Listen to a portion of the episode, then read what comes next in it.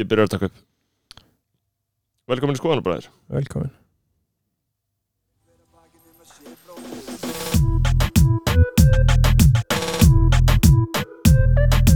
Hver er hver að bakið um að sé bróðir eigi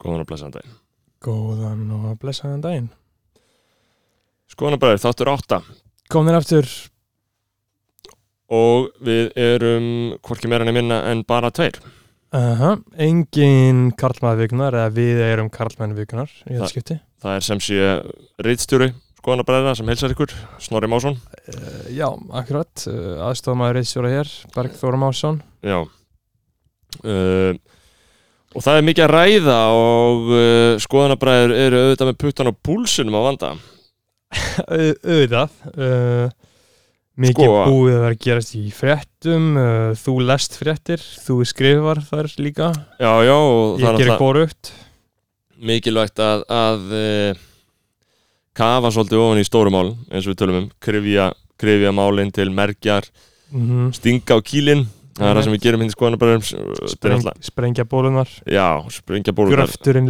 lekur út Gröfturinn, kjarni, mergur samfélagsins Við, Það er við náttúrulega- vorum báðir á uh, Degutan og það er eitthvað sem ætti eitthvað sé að ræða einhvern mann, við tækifæri. Það fucking djöfla lif, maður Þeir sem hafa verið á Degutan, uh, það lifið með þeim örgulega bara að eilífu, Já, já, ég er nú farin að fá bólur aftur, sko í alvöru. Það er fucking viðbjöðslegt að vera með Já. bólur og ég er fullar maður sko þannig að þegar ég er bólugræðin þá Mhm. mm. uh, dregur það úr trúverðuleika mínum sko Emitt, emitt. Uh, ég fæ enga bólur, ég er endur með eina litla eina en það skiptir svo sem ekki máli en axlina mín er eiginlega að eilífu út af þessu lifi sko. Að ég fekk svo mikið að bólum á axlinum. og fegstu öðar Axlirnar. Ég er bara með hefjur, ég er bara allur, ég er hvítur á axlinum, ég er með svo mikið öðrum út af þessum bólunum sko. þetta, þetta er svona eins og uh, amerikanar segja battle scars Já, maður Sparrow scars Já, en þú veist, mér er alveg saman axlera mínar, sko Skiptir mig ekki svo miklu máli, sko hvað var það lúp fiasko sem var með battle scars Já, lúfum ég, sko Fucking These gott lag. Sparrow scars já ég fann ekki klassa maður ég, hvað var þeim lúp maður Lúp heima, gör, hann aðna Hann er eitthvað svona já er það lúp hei fiasko Það er lúp heima, sko, já maður ekki lúp það Eh, er Loop kjánalegt fiasco, ef maður kann ekki berga fram Hann maður. er bara fucking fresh á því, sko er Alltaf að berjast með eitthvað sverð Hann var einhverju svona kung fu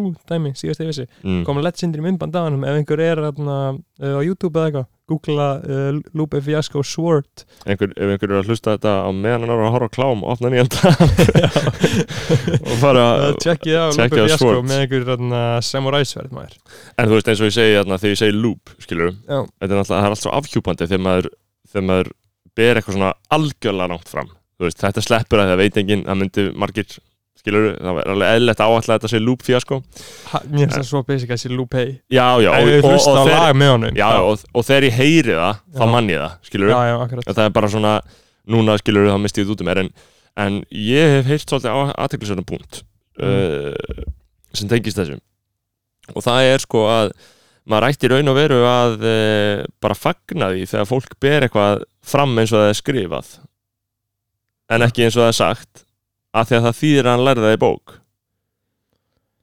uh, skilur hvað við, já, ég, ég skil alveg hvað við sko. þetta er góða punktur þetta er nýtt, þetta er ekkert svo góð punktur sko. ég meina ok, ef við tökum eitthvað íslenskt orð eins og orðið frilla frilla frilla Já. Eh, sem er eh, fyrir þá sem ekki vita það, það er sérst bara í raunni hjákona Já. Eh, eh, frilla lauruglustjórans eða eitthvað svona og hann á Mhm. frillu einmitt og þetta er sama orð og, og kallkins orðið friðill Eh, mm en, er það sem sagt hjá kona eða hjá Já. karl skilur er það Friðillinn. ekki bara uh, sko, hvað segir maður vandiskona mm, jú, eh, það hefur svona ákveðna aukamerkingu Já, það er svona krossast aðeins já, já, og, og þú veist, þú getur í sjálfu sér alveg átt friðil eða frillu án þess að Mhm.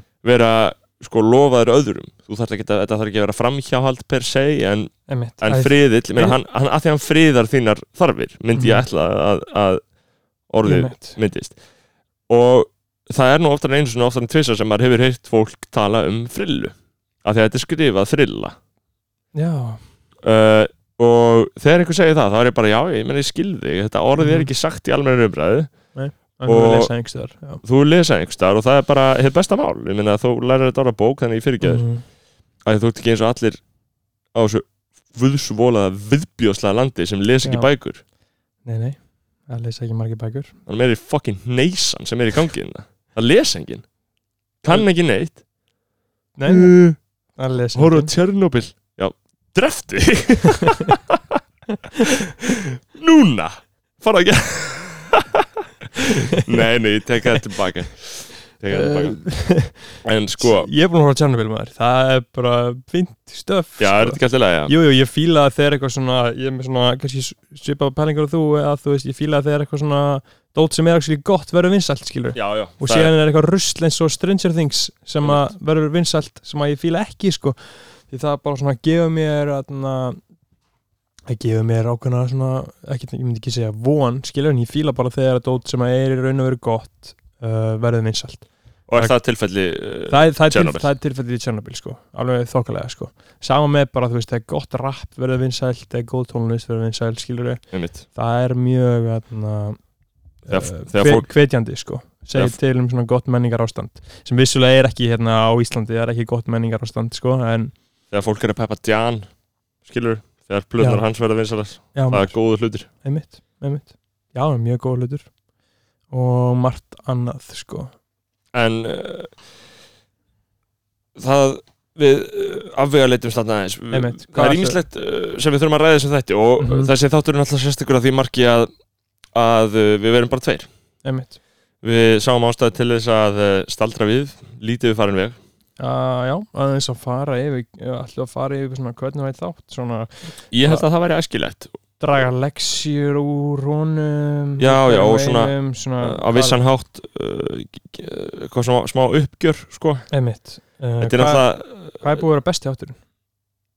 um, besti þátturinn svona mest kritikali acclaimed þátturinn Já, er Lóabjörg já, já, 100% það Já, eru þú veist, menn maður hefur fengið mest svona, já, góða áttur já, já, og, og fleirin, fleirin einn og fleirin tveir og fleirin þýr hafa sagt við mig komið að máli við mig á förnum vegi og bent á að þeir hafi hlustað á hana þátt oftar en einu sinni sko. Það, ég hef lendið því Það er að fólk sé að hlusta þáttina tvisvar, sko ég, minn skilningu nær ekki svo langt Nei, nei, ég skil ekki hvernig þú getur haft tíman í það uh, en Nei, ég meina, bara- ef þú ert ef þú ert að verka fisk, skilur mm -hmm. þá auðvitað bara hlustar á skoðanabræður on repeat og ég held að margir myndu vilja fá fleiri þætti með, með minna millibili sko. við kannski, skoðum það kannski í ágúst eða eitthvað, þú veist Já, ég er Já. náttúrulega ég er náttúrulega líka í annari vinnu og það er náttúrulega sæðilegt álag uh, Já. en sko þú veist, það var náttúrulega bara gaman að byrja bara með daglegt útvarp sko. en þá myndu við kannski verða uppi sko með umræðinni Ég held samt ekki, sko Núna eru við hérna og við gætum alveg tala í þrá klukktíma Já, já, án þess að vera eitthvað skipulaðir eða hvað sem er sko þannig held ég að sé mjög auðvelt að vera útvarsmaður sko með einhver daglega útvarsátt í rauninni sko já, já Það ég er allt bara að lifa. lætið bara þetta eitthvað úr... ég er oft með svona, uh, ég byrja oft að hugsa ef maður hefur ekkert til að tala við uh, um við þessa mannski, skilur maður hefur ekkert, ekkert til að tala um, skilur, það hefur alltaf verið svona ótti hjá mér að hafa ekkert til að tala um Já. en síðan er endalust til þess að tala um allt, en maður er bara ekki endilega að hugsa um og maður sé að tala um eitthvað það maður eru tala um- náttúrulega já, sko, útastmenn eru náttúrulega sérstök típa fjölmjölumennum af því að þeir setja bara raskatni í stúdíónu og bladra Já. þeir eru sástu þess að frétt, skilur Já. þeir eru ekkert að abla fréttana Einmitt. og þeir eru ekkert á vígvellinum, skilur Nei, nei, miklu léttara sko þetta er miklu Á, hvað léttara er létt, maður þurfi ekki eins og að skrifa það eru bara að tala já, þeir þeir eru bara að spjalla með eitthvað sem aðrir eru búin að fórvinna eða fá einhverja við, pólitíkus í viðtöl, skilur Einmitt. jú, þá þarf maður kannski að vera harður í hotna að taka einhver leiti en ég meina, vatna, Mm, sko ekkert eitthvað svo mikið sko um, þ- Nú, eh, þessi þáttur er yðurlega uh, þannig að við höfum inngang og mm. Mhm. þar förum við yfir, yfir uh, svona konkrétt atriði Einmitt. og það er nú svo sem alveg tilhengið til þess að, að uh, gefa upp hverju voru styrtaraðilas Já, já. þáttarins bara við að það, þessu ertu með, sinni ertu með símaðina Já, hann er hér þú kannski lest upp en einhverja þ- Byrja náttúrulega að taka það fram almennt að uh, það er ómetalegt að Einmitt. njóta stuðnings uh, hlustenda uh, í gegnum auður 661 4648 þar eru menn kvattir til þess að uh, leggja sitt að mörgum til fyrir ásar fjölmiðlunar á Íslandi ef, bara ef að þú ert að fá ykkur út af þættinum finnst þetta skemmtilegt eða mitt margir sagt við mann á förnum vegi að þeir býð eftir þessu hlakka til hvers försadags aðalega út af uh, nýjum skoðanabræðra þátti Já, þannig að ef þú ert einn af þeim þá bara endilega máttu þér leggja þetta mörgum heyrðu, þú, Og- þú sagði skoðan bara þátti Ég er að hugsa að það er alltaf það þætti eins og þú veist mm -hmm. og þetta er eðlilegt, ég meina beigingakerfi virka bara þannig að maður alhæfir uh, Mhm. eina mynd út um allt beigingadæmi, ég sagði gerð sko bóndar Já, í staðan fyrir bændur í stæði fyrir bændur, Já. þetta var fljótfærni ég myndi aldrei skrifa bóndar skilur Nei, nei, við. eins og ég myndi aldrei skrifa þetta nei, nei, skilurðu? og það myndi Já. engin og þetta er bara, það er til bara mjög haldgóða málfræðilega skýringar eða hvernig svona gerist sko, og ég get alveg útskýrt það í leng lengra máli Nei Eh, þú veist, en, Ég held að fólk sé bara en sko þú veist, að, að taka fólk að lífi fyrir að beigja hlutina eins og sko eðlilegar beigingar, þú veist beigingarreglur segja til um að ef þú ert með bóndi mm. þá er það bóndar, skilur og ef þú notar alltaf þetta orð, þá er mjög eðlilegt að þú ferir og breytir beigingunni, en hvað er það? Bændur, ég minna, hvað segja bændur? Ég myndi alltaf segja það, sko Mm. einmitt. en, uh, Mér og finnst alltaf að vera með einhverjar uh, málfræðvillur og stafsningvillur en þegar að textin er mjög vondur og ljótur og bara hræðilega illa skrifaður þá finnst mér í Já, lagi já. að benda á það sko. en mér finnst ekki í lagi að eins og þú ert mikið á, í Facebook-hópnum uh, málvöndunar þátturinn já, og mér finnst það svona, þú veist ég er ekkit, sko ég er bara mjög frjálslindur málfræðingur ég er ekki íhaldsamur eins og þetta fólk að, sko, ég er alltaf Nei. að gera grínið þeim einmitt. að þau eru svo hræðilega íhaldsum Já. og þau skilja ekkert hvernig málbreytingar virka Nei. en hvað er það? Já, Uh, um, ég er að segja, ég vil ekki pína fólk með þessum nei, þú ætlar að lesa upp auður uh, skoðanir Já, sko, síðasti þátturinn eh, sem við fluttum í útvarp var uh, uh, hvenar var hann? skoðanir Berglind Festival uh, Já. 13. júni Það var 13. júni, Vá, maður er komin 20. júni djöfulliðu tíminn maður Jep. uh, Ég fekk styrk frá Guðlaugu Emblu Hjartadóttur Næs uh, kann einstaklega mikið með þetta Mhm, ég þekki systur hennar mhm. og uh, hún hvaðist vilja sjá Joey Christ í þættinum Það ætti ekki að vera erfitt að Eh, það ætti ekki að vera flókið að redda Nei. því sko og Nei. ég er svona ansið rættur um að á einhverjum tímpútum muni það gerast sko uh, Það er eiginlega bara óumflýjanlegt sko. Já, það væri ekkert leðilt að fá Jóa og Bjart saman Það geta alveg verið einhver stemming sko. Slá tvær flugur í einu höggi Um Já, þeir jafna korannan út ágætlega Ömmit og, og að því að ef að Jói væri í neittinu og ég og hann færum að tala eitthvað þá myndum við sjá, segja hluti sem við sjáum eftir sko uh, Já, geti við Gott að fá gerst, jafnvægi. sko. Já, það Við- er kannski bara pæring Við könnum það áfram, takk fyrir þitt framlag Guðlögu Embla Mhm.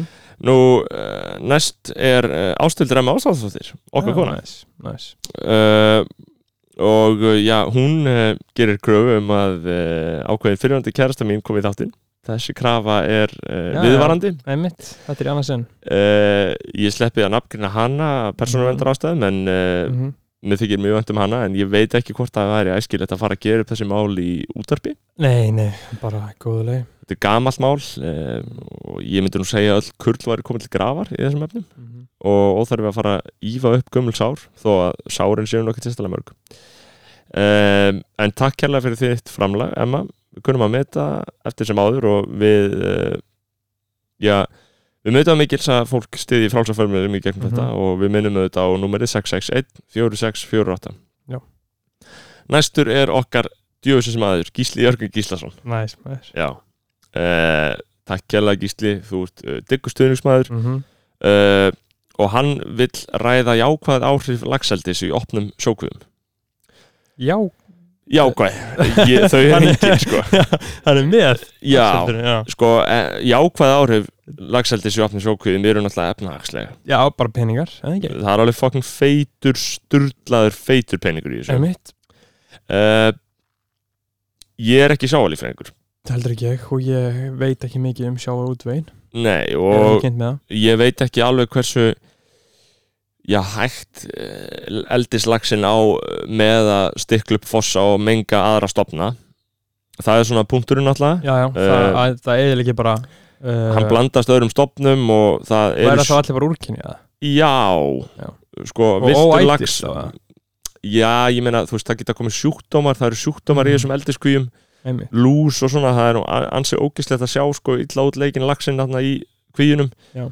um, það er náttúrulega frumvarp inn í þingið um þetta uh, ég, á, ég er búin að vera að reyna að átta mig á því í hverju það fælst flutningsmaður þessu Kolbeinn Óttarsson Proppi kvöling minn og hann vil meina að þetta bæti umhverfið nokkuð en þetta er bara mjög Já. umdilt uh, Já, og bara engin skoðun að þessu það eru margir sem, það eru margir sem leggjast alveg mjög hart gegn þessu en Mhm. aðrir sem benda á efnahagslegan ávinning ég meina Mm. 10% af öllum útflutum fiski hérna er úr Er kvíum, úr þessu? úr, Ok, úr ok. laxeldiskvíum sko. mm, okay.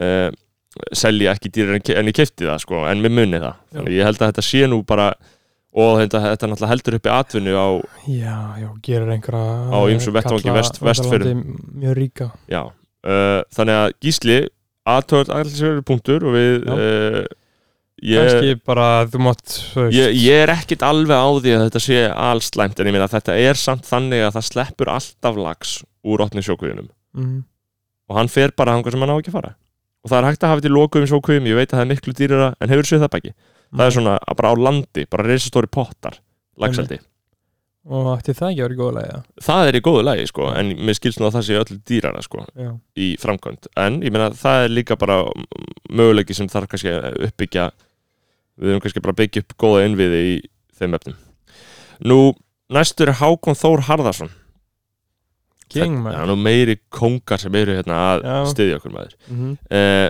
King Podcast segir hann, einfallega hann kemur Já. svo beint að má- kemur beint að efninu Næs maður Þakka Peppi Hákon Já. uh, Þú ert að leggja, leggja þetta mörgum Mhm.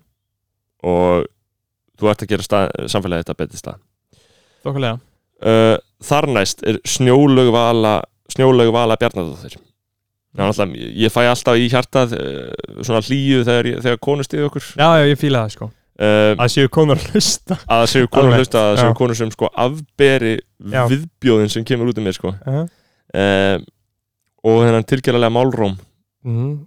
uh, Mhm. Mér finnst Snjólaug, þakka kjalla fyrir Nú, hún kemur með góða aðtvarsend og Mm. sem er mjög verðu og á mikið erindin í samtíman Fuck á þeir Já. Djöfull er í samfélagið maður. Ég er mjög samanlega Þeir, þeir eru að núti Þeir eru að plotta sín næstu skref Gaur, þeir eru alltaf Já. á, á, á, á, á, á ferli Þeir voru náttúrulega eftir uh, manninu sem að uh, fatta upp á Þeir um daginn Sá svo DJ Khaled í fjölmjörnum núna Hvað er að taka hann yfir? Eða þú veist, hann náði ekki hérna, hann náði ekki The Number One Album skilur. Nei, hann klúðraði og, hérna, og það bara snýðurst allir gegn hann að því hann var svo reyður að hann ekki náði skilur.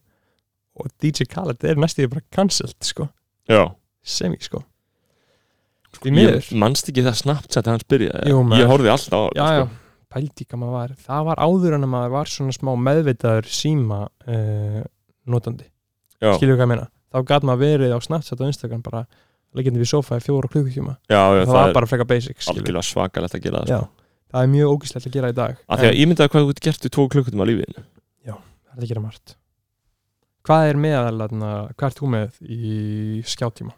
Þú veist, ég er svona Og vel að merkja, við erum búin að tala upp alla sem stöðt okkur Þannig að Já, já, ok, það er allt komið Uh, Já, Þannig þannig að við komið í getum næsta. alltaf fram að spjalla uh, Ég er með þarna hef ég vilt verið með svona eitthvað í kringum þrjá tíma held ég Já. en þú Um, sko, þetta er mjög mismunandi sko, fyrr mjög mikið eftir í, sko, hvað maður er að fást við Já, maður sjá last seven days ég er einn og hálfu tími á dag einn og hálfu tíma á dag með það það. verður að teljast bara nokkuð gott sko, þið séu hérna sömurinn Já, já er þetta, er þetta síðustu sjö dagar þá er ég búin að vera á meðaltali einn og hálfan tíma Jesus Christ, maður ég er með þrjá tíma Já. þrjá tíma og átta myndir á meðaltali ég er fimm uh, fimm og hálfan tíma á Instagram 48 mínútur á, spot, nei, á Messenger og 30 á Spotify og 27 í símanum En- Gmail 17 mínútur, þetta er einu sem ég nota Sko, mér til varnar þá er ég mikið, ok, ok Instagram, eitthvað aðeins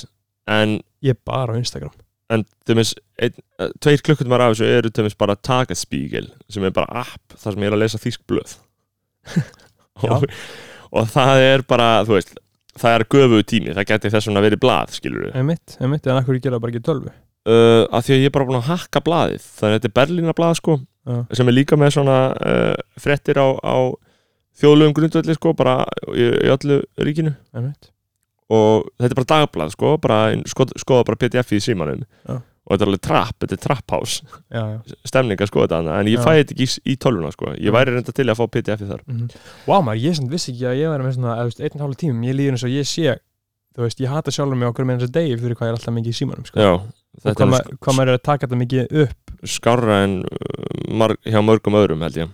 ég einmitt, það eru menn með hvað, hvað er meðaltal screen time? Uh, average screen já, já, ég meina þú getur ekki bara fundið það þú veist, fjóri tímar er ekki flestir svona þrjá, fjóru tímar Já, þrjá fjóra tíma, já, ég myndi halda ég myndi að ætla það Já. sko þetta er náttúrulega svakalegt og ég var oft talað með að ég ætla að hætta að vera með snjall sem ég mun aldrei gera það því að það bara einhvern veginn aftengjum í þjófélaginu og ég verða einhvern veginn að anda að mér einmitt hjartslætti nútímans nú, það sem við ætlum að gera er að fara svolítið í farin við eh, Mhm.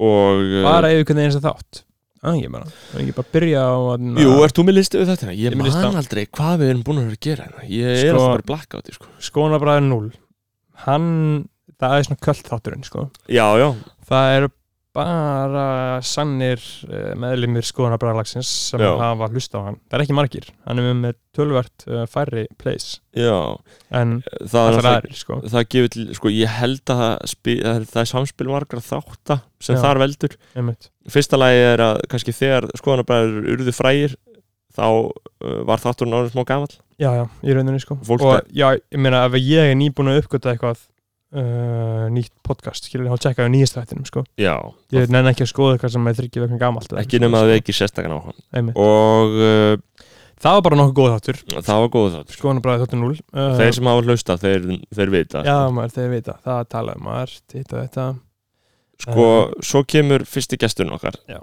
sem er engin annar en Pétur Kennan. Eh, einmitt Sú mikla rassabóra.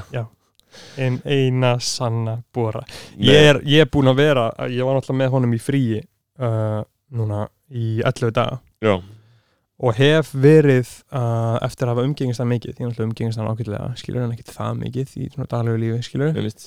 um, Og hef verið að reyna svona að tilenga mér Hans hætti Bóru hættina Bara að bókstælega gera Eða þú veist Við erum til dæmis á falafelstað skilur Já, Og hann er svona efins með hann skilur já, svona, ja, þetta lúkar ekkert svo vel býður hann til að við pöntum matinn, sér hann sér að þetta viðbjöður og panta sér ekki, fyrir einhvern annað skilur já.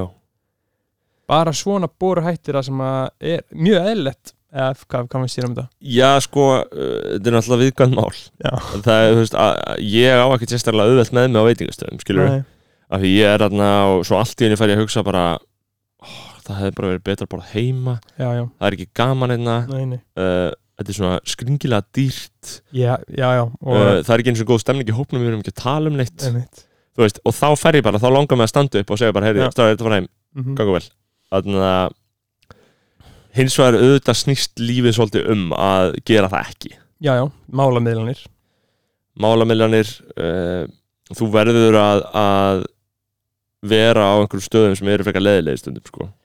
já, maður þarf bara að taka sumt á sig sko. það er náttúrulega bara ég held að stórum partið þeir sem eiga mjög erfitt í lífinu mm.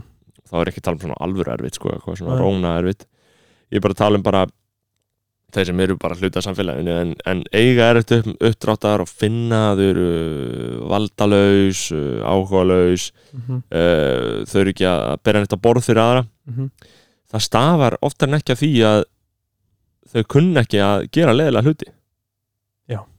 þau kunna ekki að setjast niður í þrjá til fjóra klukkutíma inna verk af hendi Mhm. klára eitthvað verkefni sem var tilsett og skilja einhverju framlægi Ég held að- ég held- ég held að vera að fara að segja að þeim sem að, að það er svona helsti svona helsti orsök vanlíðanar hjá fólki að þau einmitt, sko, ég held að vera að tala um málameðlunar, að málameðla og mikið skilur, gera og mikið eins og var oft sem að einhver, já. að, að falla fyrir hverja einustu fristingu lífsnins, skilur já, það er líka sko Já, en bara- það er samt sko, það er ekki reyna sama meði sko. Það tengist, já, ég skil hvað að meina, sko þú veist, Þú þú að verður- ma- fatta maður fyrir öllum verður- freystingum er að kunna ekki bara Já. að beita sjálf sig aga sko. Einmitt, einmitt, æ, ég er svo epic maður, ég fucking elska svo mikið að gera eitthvað svona leðilt dót, sko ægi er bara aðalsmerki mannskeppnunar Já, það er ekkert annað dýr sem kann að beita sig aga sko. nei, nei, það bara ræðst á bráðina um leið og færana hakkar hann alla í sig geymir ekki neitt og verður strax aft svangur einmitt skilur á meðan maðurinn hann bútar dýrið niður mm -hmm. og setur hann í ískáp en mitt eitt í dag, Mílbrepa já, mílpreppa já. þú veist, uh, aðalsmerki mannsins er mílpreppið sko já, það er náttúrulega ég er með gott græmmetis jökkin í ískopi Já, sem ég já. hlakka til að fara heim að borða eftir maður þú kaupir umfið út í búð Japp. Nei, ég er vakinuna, þar að kipta eitthvað nýtt þarna, eh, núna er eitthvað nýtt svona uh, vegan kjöt komið í krónuna sko. ég vil komið fokkið mikið úrvalega alls Geðveikt. þar, ég kem alls Krónan. þar og það er bara eitthvað svona, ég sá um daginn að eitthvað svona, heyrðu, nýjir svona blotti hambúrgarar, Já, ég náttúrulega, ég nenn ekki að gera eitthvað svoleiðis af því að ég er ekki matgæðingur, skilur nei, en þetta var, þetta var grammetis hambúrgarar ég og veit kom það blóður Já, já, skilurðu. það, er- það er skrítið sko. það er náttúrulega líka, En það ein- rennir stóðum undir mína kenningu að þetta er eftir allt píkan úr dýrinni, Já, já, þetta er bara útskorin píka já, satt matfett. þessi grammiti einmitt um, En þarna, ég var einmitt í krónunni Hver manstu þegar ég kom heim með lútið úr krónunni já, þarna- Sex vegan réttir sem kostiði hundrakall já, þeir voru góðir sko. Vá, maður, það var einhver besti dag líst var það ekki eitthvað svona afslátt sko. Það þar var bara, þeir runnu út í þetta tóta kosta sko þúsingall hver og Mm. krónan uh, setti það á hundrakall indislegt hvað, og ég kefti sex um mitt, já, já, það er góð tilfinning sko. ah, hvað, gott, maður.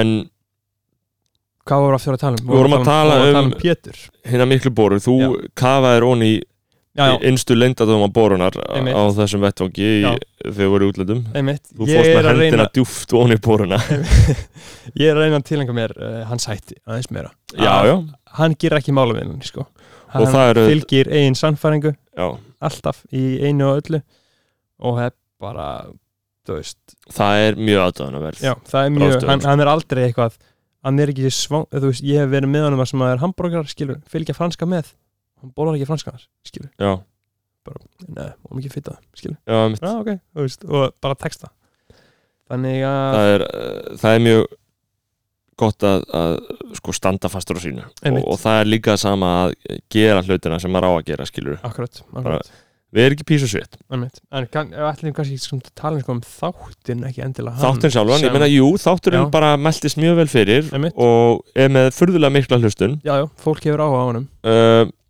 enda bara Pétur ákveðin fígúra í íslensku þjófélagi uh, nokkulega, um, ég held að uh, fólk hafi bara verið almennt áhuga samt um að skiknast inn í hans höfurheim einmitt, um, og eh, þar kom ég vislegt fram og auðvitað líka eitthvað um flóna og það vekur líka alltaf aðtikli sko það vekur alltaf við höfum, höfum ekki talað um flóna einhverjum einstætti eða? Jú, ég var uh, þannig að mokka mailinu það var einhver sem sendi á þann einhverja einhvern mail og spurði hei hvað er númerið hjá flóna hvað bara símanúmerið hans flóna Já, bara beðið númerið, þetta var bara blamaður sem var að reyna að ná í flóna já, já, já, já. og ég bara kann það 8445 Já. Nei, ég skal segja það Nei, hér nei, nei, nei. Þarna, fínt og ég sendi það en ég sendi það á alla á morgunblæðinu ah, ok, þannig að núna er út um flóna sko. einmitt en ja, síntalinn ætti nú að- þeim ætti nú að vera stilt í hóf hann er kannski ekki tekað á algjörlega uh, típiska morgunblæðis umfjöllunar efni nei, nei, akkurat, uh, þar erum við meira að tala um uh, sjókvíja eldi sko. akkurat nú Pétur og Flottur og næstur Mhm. kom uh, Haldur Lagsnes Dóri Diana, hann var bara nokkuð góð sko hann var frábær Mhm. og bara gott spjall já, já, eh, fínt, hann er þetta rauk út í tók- mið, mið, mið að svona, tók- nei, reynda þetta er alveg búið sko tók snöggan endi já, já, uh, Eh, hann er góður umgjörðin utanum uh, þann þátt var brösuleg, við vorum að koma okkur af stað en já, það var algjörlega það var frábær ekki komið þáttur hann á Spotify ja. nei, Nei, nei, nei, á þá- Apple þá vorum við að vesens með það Já, en þá, það er náttúrulega alveg óþólandi Já. þegar maður er að finna að dreifingin er ekki að skila sér sko. það er ræðilegt þú ert með eitthvað, þú ert með eitthvað vöru, eitthvað pródúkt og já, þú kemur því ekki áleiðis og Mhm. það er mjög frustrerandi það er ekkert sem ég hata meira en svona fucking tækni Nei. dæmi sko þess vegna líka, ég meina, þú veist ég eru yðurlega í útvarpi, ég meina í svona já, meiri það, það, er, háttar það er upptökustjóri já, meiri háttar hlaðvörpum, ég meina Já, já. hjá, hjá Joe Rogan eða hjá, en er hann ekki með þrjá fjóra í vinnu eða? jú, Það örgulega var og, pottet, sko. og hérna- hjá, þarna, passa ekkert klúrist hjá og nú fæði svona, er ekki örgulega rekka við erum uh, örgulega rekka hjá Michael Barbero Já. This is Michael Barbero Já. Daily það, það, það, það er 30 fólki vinnu sko. Af því Já. að New York Times er besta stopnun alheimsins ég er sammála svo fuck fucking epic maður og alltaf, au- þú veist, það er, það er þannig, jú, jú, það er auglýsingar en það er alltaf bara, mér finnst hvað allir eru starfsmennina þarna eru tryggir stofnuninni já, það er alltaf bara, já, ef þú vilt hjálpa þá bara subscribe to the New York Times og ég gerir það, ég borga fyrir New York Times, já, getur lesið alveg já, getur lesið allt það, getur þú fengið pdf útgáfa af prentútgáfinni en ég samt, nó, gera það ekkert sko, nei, að því, þú veist, ég hef ekki áhuga að fréttum eitthvað um Trump og Íran og eitthvað svona Nei, dótskilur en þú veist að frettir eru betri í blöðum mm, akkur, bara af því að það eru unnar öðruvísi, það eru betri já, það ok, er bara, þetta er staðarind einmitt ég er endar, tekur þetta tilbaka, þetta er ekki staðarind nei, nei, en á En- ákveðin hátt já, já, Dóri, check- checkum við- á því. við rettum Dó- yfirleitt Dóra og, einmitt, og ég var reynilega líka bara þakkláttur að hann kæmi til okkar en hann kemur alltaf í hvaða podcast sem er sko. einmitt við getum hringt í hann aftur, hann myndi koma aftur já, uh, getur verið, og líka þegar að fatta að verðum bræður hann rétt í lokin, við erum Einmitt. komist sko. já, já, það var gott sko hann var bara nokkuð góður á því sko ég man hvað, um hvað voru eftir að tala hann var nýbúin að eitthvað að gaggrína svona inst Já. Instagram viðbjóð, var það ekki þar vorum við ennþá sko, mjög áhuga samir um uh, cancelling kultúrin já, já, við erum eiginlega komin smá burt frá því já, við erum bara búin að ræða þetta Já, já. í þaula sko. einmitt klukkutímum saman um eitthvað djöðs cancelling kultúr mm og ég er ennþá ekki komin að niðurstöðu Nei, nei, þú veist, þetta er bara flókið mál eins og öll önnur. Við tölum líka um það uh, í næsta hætti sem að var Lóa. einmitt. Nú, uh, já, á eftir Dóra kom Lóa Það er okkar besti áttur. eh, Lóan er komin Eða svona, uh, fekk mjög jákvæð viðbrögð frá Já. flest öllum, sko. Hún er líka bara mikill heimsbyggingur Já, uh, Ég held nú að hún hafi tekið eitthvað í heimsbyggi háskóla meira þess að einmitt. Eða bókmyndafræði var það Já, mér minnir nú allan einhverja vinkunarna sem voru í heimsbyggi Mm uh, Og mentaði listamaður Einmitt. Og bara með alvöru uh, skoðanir Þú veist, skoðanabræður gengu út frá því að menn Já, kæmu hérna og bæri skoðanir á borð einmitt. Og við legðum okkur mat á þær Mm Og Það var svona upprunulega konceptið. Svoleiðis var það með uh, Lóu og, og það vakti mikla lukku og eins og við höfum sagt þá uh, hafa menn verið að sko, ger hlusta á þann þátt sko. Þreisa fjóru sem í gegn, sko. Já. bara meðtaka hvert einsta orð sko. Mhm. þar ríðustu líka á einhverju leiti á ákveðnar stóðir skoðanabræðra sko. þar Mm. voru við svona að reyna að, að vorum ennþá að fóta okkur Já, í málöfnum Karlmanns vikunar einmitt. Við vorum ekki alveg vissi með það, en það koncept hefur bara... Na, það er bara fari, blómstrað fari nokkuð vel í bara hvað sem er sko. ég meina í dag er ég Karlmann vikunar einmitt, í næstu Og viku þú verð ég ert líka kannski. karlmaður vikunnar. já, við verum báðir, einmitt uh, ég er náttúrulega rít stjóri skoðanabræðra eins og ég tekið fram uh, já, akkurat, þú stjórnað mixarnum um, á eftir Lóu kom Lói Pedro, Lói Pedro, Já. það var þá einmitt, hann kom þá og það var bara stemming þáttir eins og allir Já. allir þáttinir, allir þættinir og Lói kom mér á óvart sko. hann var svona einhvern veginn yfirvegar og góður Mhm. og, og uh, þetta hendaði mjög vel sko. mm -hmm. allt fyrirkomuleg já, já, gekk bara mjög vel rættum bara um allt milli heimins og jarðar man ekkert sko, þú veist ég er náttúrulega, er aldrei að fara að hlusta á þess þætti aftur, Nei, mitt, meiri setjum svona tvö ár og ég bara skrýta að hlusta á þetta sko það get ég ekki hlusta á þetta Nei, sko. nei, Ég fæ klíu á sjálfum mér sko. Einmitt. Ég þarna, hef ekki hlustað á neitt þátt, þú hefur hlustað aðeins meira Já, ég hef uh, alveg svona kveikt á þessu og kanna gæðin og svona og, Einmitt og stundum festist maður inn í að þegar maður er að heyra ok, hvað er sagt þarna, hvað er Já, sagt já, þarna akkurat, akkurat. uh, og stundum svolítið líka til þess að rekja gardnirnar í sjálfum sér Mm. og taka upp eitthvað gamlan kvíða mjög skrýtna tilfengar sem fara, í stað, fara að stað þegar maður hlustar á sjálfum sér í útvarpinu Já, ég trúi því og ég held að reglan sé svo að maður eigi ekki að gera það sko. Nei, nei, ég held að engi gera það, þetta verður eitthvað skrítin sko. Það er öðruvísi þú veist. en aðrir hlusta eins og ég segi sko, skoðan bara er mjög vinsætt hlaðvarp Það er, þetta er rosalega vinsælt sko. Já. Top 10 á Íslandi og við erum alltaf, maður er alltaf að fá eitthvað svona rós út og götu og það Já. er alltaf bara frábært Mikið fanlöf í gangi mikið fanlove Mm. Já. uh, og magnaði rauninni sko, að ég held sko að Mér finnst það mjög gaman sko. Þannig að ég var að sjá uh, árskýrslu Reuters fréttaveitunar mm, sem skoðar svona svolítið hvernig fólk eru að nota fréttir Já, á netinu og þar er podcast bara í massífri sókn sko, já þú veist Þetta- Þetta er elgur, ég hlusta Ég fæ mína fréttir frá New York Times, The Daily já, og The Guardian, Today in Focus Já. og er Rúf uh, ekki neitt að spá í þessu eða? jú, jú, ég meina við erum með speilin speilin er kláðan 6 já, já, en virkum dögum á hverju meina þessi deg? fréttaskýringa þáttur að vissu leiti en líka saðar fréttir bara einfallega, ég menna Einmitt, einmitt Í En dag ég- voru Það kynntar- væri svo fucking epic sko hlustaðu bara speilin Speilin, hver er með það? uh, ég maður ekki hvað hann heitir, en sköllóttur og mjög góður í þessu Já, Ok, okay. Uh, Og er alltaf eitthvað eitt mál eða þú veist bara Eh, já, stundum er svona eitt, fókus á eitt mál og Er þetta í hraðarsveitum eða? já, Já, ég hlýtur að myndi vera. ætla það eða hugsanlega bara rúf appinu nýja sem er gott og það er líka hægt að hlusta á fréttir Einmitt, já, en tjekkum við því speilin er góður og, og svo er viðskiptabúlsinn alltaf Já maður, ég hlustaði á það, ég hlustaði bara á uh, hann í gær, þar var Sölva Blöndal? Sölva Blöndar, já, já. það var góð þáttur Það var bara nokkuð gott, sko Já. Þú veist, ekkert eitthvað svona ekkert, Eh, kannski, eitthvað, ekkert sem ég vissi ekki, sko nei, ekkert eitthvað þannig en ég meina, þú veist, En það, einhvað síður það er mjög áhugavert að uh, íslenski tónlistabransinn sé k- orðin jafn góður í dag og hann var árið 2019 Já. með sem sagt tekjum frá streymi og sem hann var að- árið 2019 Nei, og hann var árið 2007 minni já, í dag árið 2019 þá eru jafn mikla tekjur frá plötu sölu sko. þetta er ekki með þarna, þetta er ekki með gig nei, þú veist, giggin eru meiri eða ekki? nei, nei, nei, nei, bransin er fucked sko.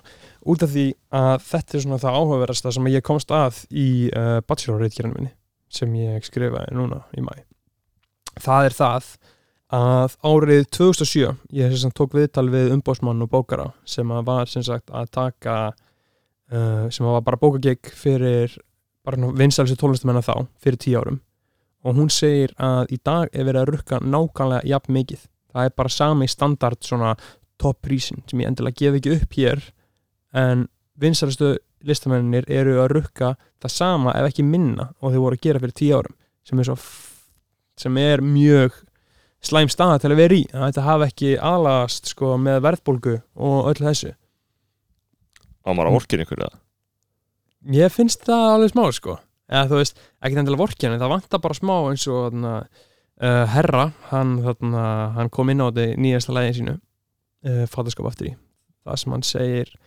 þessi gaurar hafa ekkert upp á að bjóða nema að fokking undir bjóða Já. sem að er akkurat sko þá verið að nefna þetta út af það er svo mikið að tónlistamönnum uh, þá kannski já, X kostar þetta Mhm. segjum hann kosti miljón skilur og síðan er það seta á Ussalón sem að kosti báði 500 miljónir vantilega að fá bara tvo í staðinn skilur og þess vegna næringin að halda sínum prís uh, í það sama út af það er alltaf verið að undirbjóða þessi gaurar hafa ekkert upp á að bjóða nema að fokkin undirbjóða og Sko- ég held að þess vegna get, er þetta mjög eins í dag og þetta var fyrir tíu árum út af þessum sko já, endalusum það er bara hagkerfið og væntalega, ég meina það Já, já. er alveg eðlileg og, og lífræn þróun svo, svo sem, ég meina að Mhm. ok, þú ert mjög vinsall tónlistamæður, ég myndi helst vilja hafa það á þessu balli sem ég er að halda en samt ekkert það mér, eða þú veist en ef þú ert ég ekki myndi að helst skipta ekki vilja máli hafa það, já, Já. Og, og þú Já. segir já, ok, ég skal koma fyrir 400 skall Já.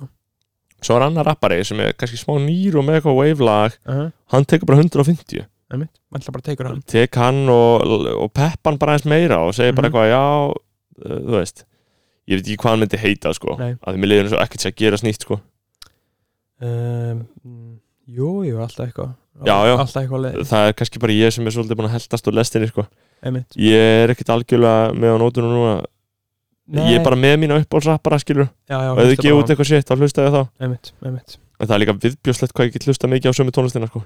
já, það, ég, ég hlusta ekkert svo mikið ég er algjörlega búin að merksjúa bara til dæmis bara trúbítir já, skilur ég bara, ég veit ekki hversu ég held að ég hlýta að vera sá sem er búin að hlusta mest að þetta og öllu, já sko. ég, ég það er nummer tvö sko gaur. Já. ég hlusta svo ógeðslega því það taktu út þrjú lög Já. af trúbítar já, og þá ertu með verk sem er bara sambærilegt gíslipálma, gíslipálma já, já, í rauninni sko eða ekkert alveg kannski endilega upp á áhrif og svona uh, menningarlega Menningarlegt. merki Nei, skilur við en, en, bara síður, gæði tónlistarinnar sko algjörlega mögnu plata Já. nú, sko og, en ég meina eins og ég segi, markaðin virka bara þannig að Mhm. þú getur ekkert rukka bara endalaust, en svo er það líka að íslenski tónlistamenn og, og Mhm. aðrir í skemmtarnabransanum uppi standarar, uh, veistlustjórar og slíkt þú veist, þú ert náttúrulega að selja þig mm -hmm. þú ert að selja þig sem eitthvað pródúkt á okkur vettvang og kemur eitthvað og þar verður, það hlýtur að, að rík, gilda sama um lögmálum eftirspurna frambóð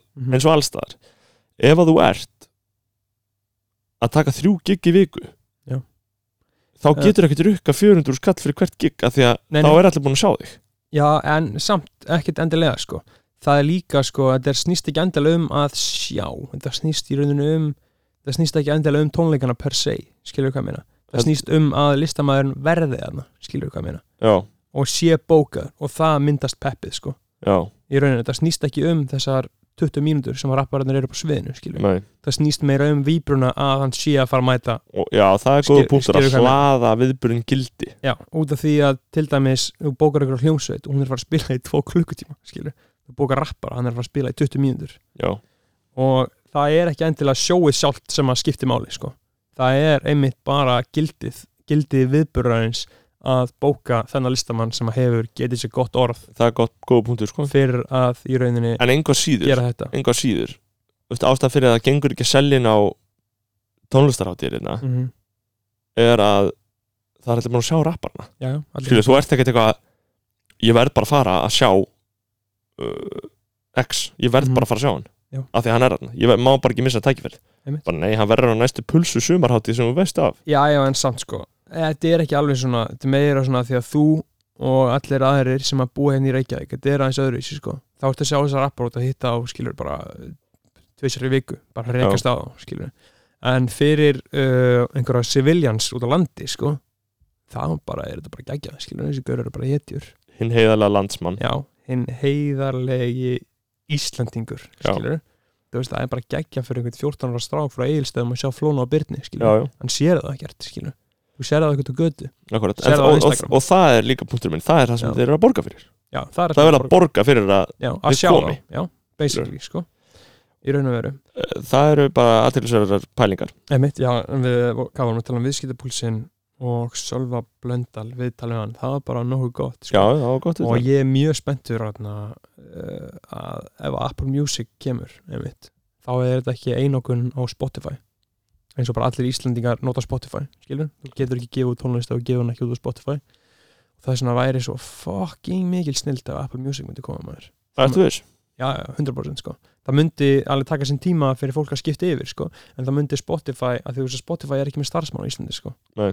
Spotify er með starfsmann í Svíþjóð sem hann talar ekki íslensku, mjög líklega ekki ég get ekki fatt það og hann er að meta þetta allt hann er sem sagt í reitstjórn Spotify og hann er að meta hvaða lög eru vinsæl skilur hvaða lög hann á að sitja á þeirra playlista, eins og bara eitthvað playlist sem heitir Íslands hip-hop en ég veit reyndar ekki alveg sko hlustuna venjur hjá Íslandingum hvort þeir eru mikið að hlusta á einhverjum hann playlista sko ég held að þessi ekki komin þangað sko nei, ekki endilega sko Það ég meira- hlusta, ég lefi playlistum ekki að ráða því Nei, hvað, nei. ég, hvað, hvað ég hlusta á sko ekki sjens sko það er ekki að ræða það sko ég myndi ekki gera það, ég reyndar ég, reyndar, ég followa rap kavjar Já, ég Það koma- fylgi koma ný lög þar sem En ég, ég fylgi bara topp 50 listurum mikið Það er eins og það sem ég geri sko Já, ok, Ég met bara, þú veist Topp 50 í Þískalandi, Mhm. Spáni og Bandaríkjunum, Worldwide og Íslandi Já. Þetta eru bara playlistana sem ég er svolítið að vera á Oj. Að ég hugsa, ég meina, ef þetta ef þetta er svona vinsalt þá hlýtur þetta að vera gott, skilur uh, já en þ- voru, voru ekki að ræða um daginn að, að vinsal tónlist er góð en vinsal bæk, bækur og bíómyndur er lélæra Já, við höfum ekki rætt á þessum vettvangi en Nei. það er alveg rétt já, í sjálfur sér. vinna því vinsal tónlist er oftast góð Hún, er- hún, Það er- hljómar, hún hljómar vísindalega vel í eirun uh, Það er punktinur, skilur Já, vinsæl bandarísk tónleik, ekki íslensk Vinsæl Nei. íslensk tónlist, það segir ekki til um hvort þau gott eða ekki sko. Það segir bara að það sé eitthvað skrítið í gangi eða. Það er bara menningarlegt ástand sem að er skrítið og leifið þessu að gerast En bandarísk tónlist, það er sko, þú veist Það eru vísindamenn sem að búa hana til Já, já En þú veist, eins og I Don't Care með Justin Bieber og Ed Sheeran Já. Ég hlusta það fyrst, skilur og ég hlusta það svona fimm sinnum fínt allt í lagi, ég hata það bara núna, ég hata það lag Auðvitað Já. að þetta er ekki gott, ef þetta væri Já. gott þá myndi ég elska þetta sko Já, já Ég elskaði Shape of You Þú gerir það, getur alveg komið á og maður er alveg svona, "Ú, ok, næst maður, já, já Já, já, ég meina að þi- það er vinsast að það er mest spilaða lag á Spotify Allra tíman bara Shape of You Einmitt. uh, Og það er líka bara geðveitt lag sko Það er Það verður bara bara að ákveðin formúla sem Já. bara svínvirkar Vers, viðlag, vers, viðlag, brú Já, já, og Eiginlega. einhver svona blanda einhver smá svona dancehall dæmi, Já. skilur, Ed Sheeran eitthvað, culturally appropriate það sitja í einu og síðan sett hann Stormzy á remixið, skilur, og fekk svona cultural credit fyrir það, skilur, og þótt að það hafi ekkert verið vinsælt og þetta er bara svona, einmitt. gekk ákveðlega sko, það var uh, logi, já, já, næstur var næst var Byggitalíf Brítalíf, einmitt. það var líka verulega blöð þáttur það var okkar vinsælasti þáttur já, við getum gefið það út, við gefum ekki út hversu mörg place nei, en við getum gefið það út að það er sá þáttur sem það var hefur mikill hlotið áhug fyrir því að skiknast inn í hennar líf Já. Sko- og skoðanir hennar skoðan hennar, uh, reynslu hennar af fjölmiðlum, uh, samfélagsmiðlum einmitt. hún er náttúrulega uh, miðlæg fígúra í þeim efnum á Íslandi já, já, ég held að hún bara allir hún sé ekki svona Jú, topp 10 fræ, fræg, fræg, fræg, frægust sem við höfum fengið á þetta Æ, ég veit ekki, hver, Jú, eða, hvernig metum að Dóri fræg er líka náttúrulega já, blöður Dóri og Berglind Festival alltaf líka, þau eru í sjónvarpinu sko. B-festival sko Eh, landsmenn, vita hvað fólk þetta er sko. uh, uh, mælt í einhverjum followerum sko. Eh, og við rættum að vanda allt við Birgitu og uh, Einmitt. fengum bara að vita Eitt svolítið sem hvað ég hún stendur glemdi að nefna við hana Ég ætla að koma með svona uh, uppbyggilega gaggrinni á World Class út á Nesi að það er uh, spaðið út á Nesi að koma vindi þeiti heitir það ekki, þeiti vindir Þe- vi, Vindi Vinda, það er alltaf vindir Vinda, Já. vinda, heitir þetta bara vinda vinda Já. Veitu, Ég myndi setti vinduna, vinda þeiti vindir, Þeiti Vind- vindir, vindi þeitir já, jú, það er bara Já, við erum svona að tala um hann að Dóti sem að þurkar sundskilu eftir sund mætti koma hann í spaðið út á Nesi og síðan mætti líka setja hann kaldan pott hann líka í leiðinni Ha, það er að koma Ég er þar niður og líka náttúrulega það er á leiðinni í neslauna sem maður lappar ofan í maður tjóðis fucking snild verið það maður Já, það er gott ég laka mikið til að prófa það.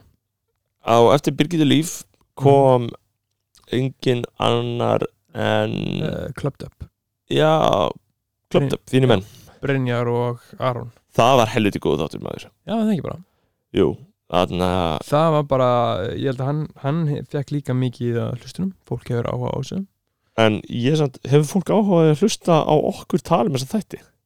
Ég veit það ekki pff, gauð að kemur bara í ljós sko Já, já, ég meina ég, við held, samt ég, held, ég held að sé alveg fínt sko, því Já. að við erum bara að tala um eitthvað sko.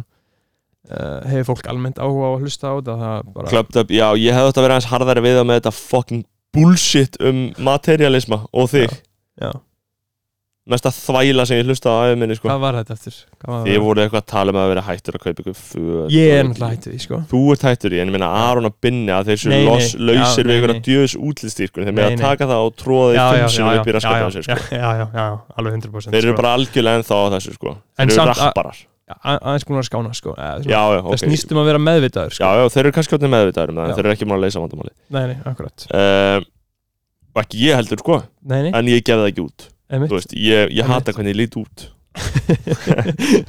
Ég er ljótt helviti, skilur já, uh, en ég er alltaf með einhverja fantasíur um að líta eitthvað vel út mér langar alltaf svona, já, mér langar alltaf að vera í svona fötum ég er alltaf, að hugsa um, mér langar alltaf að vera í hvítri skyrtu eða eitthvað mér langar að mér langar, ég væri svo mikið til að þróa með mér eitthvað svona Steve Jobs dæmi sko. já, bara alltaf í sömu fötum já, já, það væri svo fucking mikið snill paldi hvað er þægilegt já, það er einfalt ég bara fyrir veit ekki lífið, alveg hvað sko, ég hugsa hvítu bólur en við búum á landi það sem er ekkit endur alltaf bóla við sko. sko. nei, ég veit ekki hvernig ég gef þetta í bæl en með að því að peysur í- mér langar líka í gott vesti, sko hvernig veist ég, uh, til að vera í skyrtu undir er skirtu verið í vestinu yfir skirtuna já, já, já, og veist að það er kannski úr öll eða eitthvað uh, já, það er ekki það, það er bara, það getur verið ágætt yfir sko. við að lúk, kilur einmitt, einmitt en ég er því gaggrindur, sko Mm, gaur. þeir, maður, djúvill Já, væru, það myndi þeir- hlakki í þeir þeir myndi Já. bara halda morgunfund bara, jæja, Já. krakkar, snorri komin í vesti Já, hann Hvað er kominn með í eitthvað- eitthvað með eitthvað prjónavesti. eitthvað með eitthvað fersk teik já, já, Ég, ég held að þeir sé að hlusta núna og þau Þeir- eru að reyna að já, láta já. þessi þetta eitthvað í hug já, já.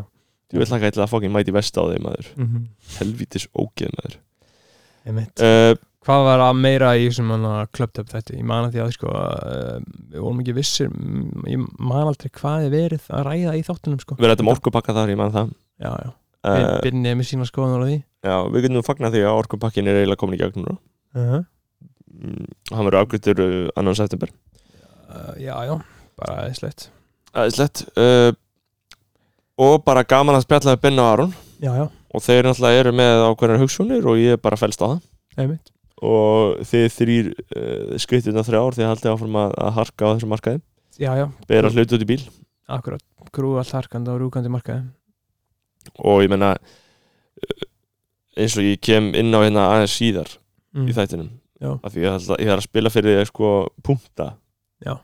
ég puntaði niður hjá mér í síman í voice memo þegar ég var að keira Já. hluti sem ég langaði að ræða í þessum þætti Emitt, og það var bara eitthvað eitt, eitt, eitt, atriði, eitt atriði og ég spilaði bara hérna eftir undilega en, en það tengist því að ég er náttúrulega bara eh, fylgjandi því að menn séu á vettvangi í atvinnulífinu, duglegir að gera hluti, búa til, búa til peninga búa til viðbyrði, búa til hluti það Þokkalega. er gott, það er skilur. bara, já, það er betra en að búa í kommunisma Uh, já, já, ég er bara algjörlega samanlega því sko að uh, láta gott þessi leiða sko hið frálsa framlag, Já, grill á daginn, græða á kvöldin ég segi það nú ekki einmitt En já, ok, En grill á, við vorum- grill á dag, kvöld, nei, græð á daginn og grill á kvöldin, það er punkturinn. Já, já, Það segir Hannes Holmstein. já, með talandi um að grilla maður þú ert alltaf ekki stafningsmaður Nei, nei, ég er Nei, anti, nei. ant, ant, andstæðningsmaður. þú, uh, þú grillar ekki að viðin er að grilla það er nokkuð, Þú veist, ég, ég, gæ- Ja, Ah, þú jú, veist. jú, ég, ég myndi kannski fela einhverjum öðrum það. að Já, já. segja bara, herru, ég skal eiga hluteld í þinni aðild að þessu eh, einmitt og þú skalt grilla fyrir mig eða Já, eitthvað. já, akkurat En, En ég myndi ekki nenn að kveikja grillinu til þess. Nei, nei, akkurat Það er bara, ég sillir til þessum að kveikja Ég grillinu. nefnilega var að grilla með vinn mínum um daginn og vorum í krónunni og ég myndi segja að ég, ég, myndi, ég er ekkit það mikill stemmingsmaður en ég er tölvöld meiri stemmingsmaður en þú, Já, skilur þú hefur bara gefið þau út sem and stemmingsmann já, já, ég þú býr hata þú stemningu. býr ekki stemmingu mér hefur stemmingi bara ágætt, ágætt sko Af því að stemning er í eðlisinu blindni og heimska. uh, já, Eða, þú þú, veist, þú, í- þú um það um, ég hérna svívirti vinni mína Og jú, sagðist ekki að vera með.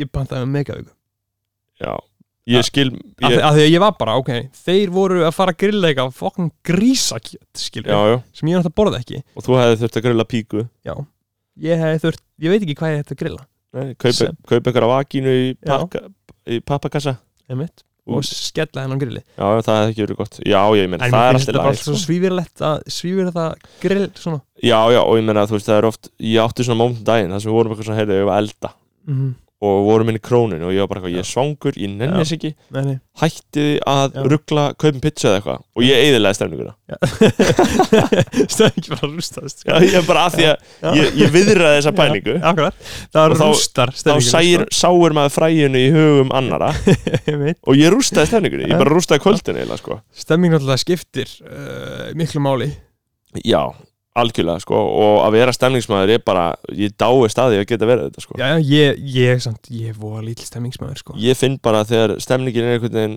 uh, ég veist, jú, jú, ég get alveg hrifist með sko, haft Já. allt í lagi gaman en ef ég þarf að vinna eitthvað fyrir stemningunni þá bara, Mhm.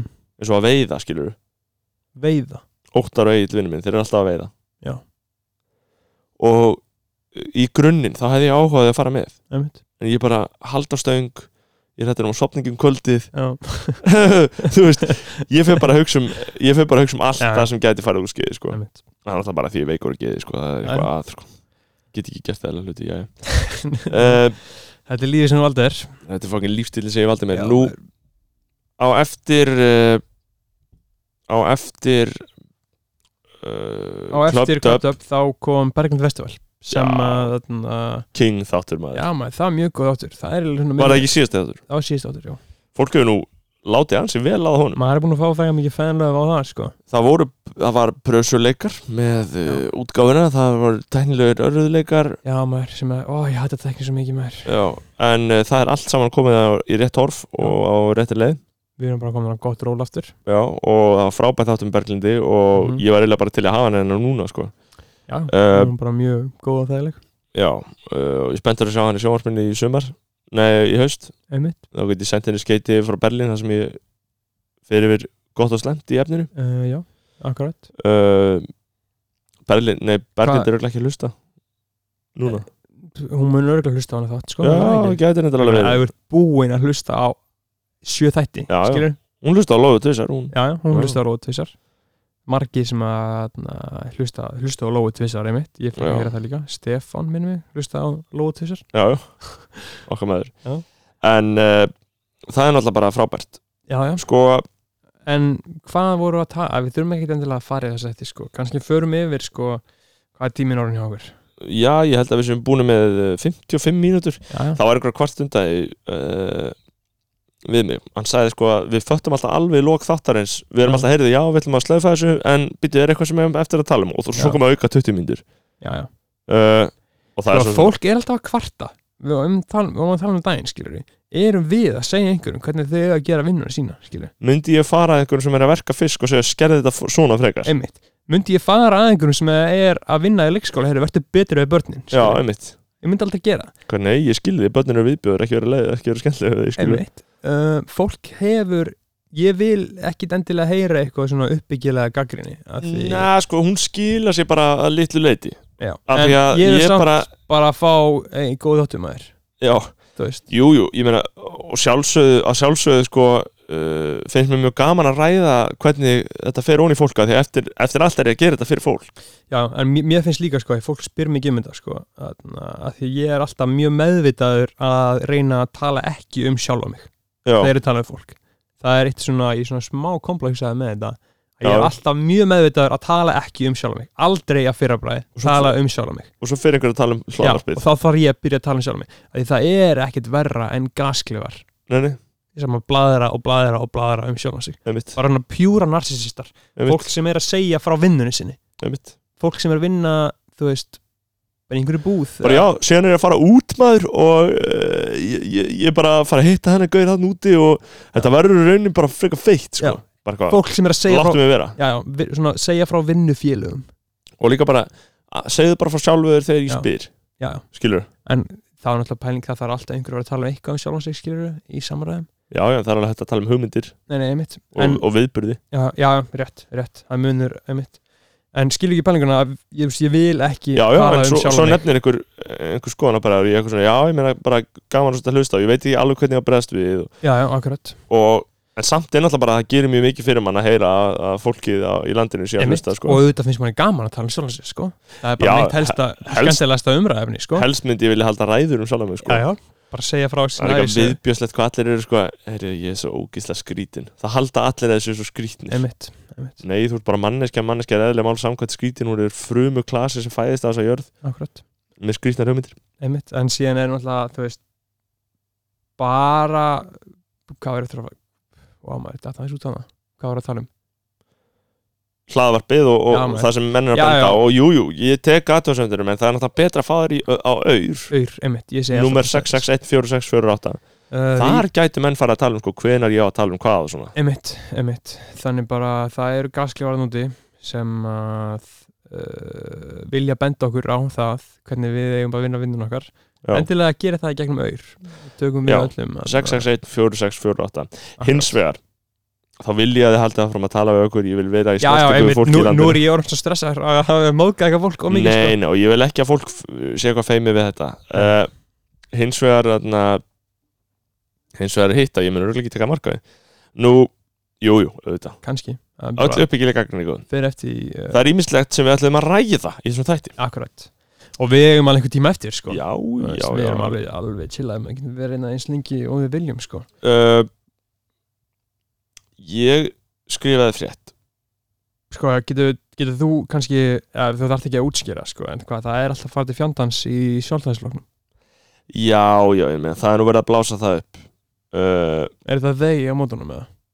uh, Sannstæðarflokknum Já Þetta er nú bara innherja deilur, sko Já. uh, Þetta er ekki einhver ytri öfl eins og Ég skil ekki alveg þessa pólitík skilur með viðrist Svona hvernig þetta splittaðist allt upp skilur Við erum náttúrulega bara klopningur úr sálstæðarflokki Akkurat uh, þó að viðrýsna menn myndu kannski ekki falla á þá, fallast á þá sögurskýringu en Nei auðvitað er þetta það.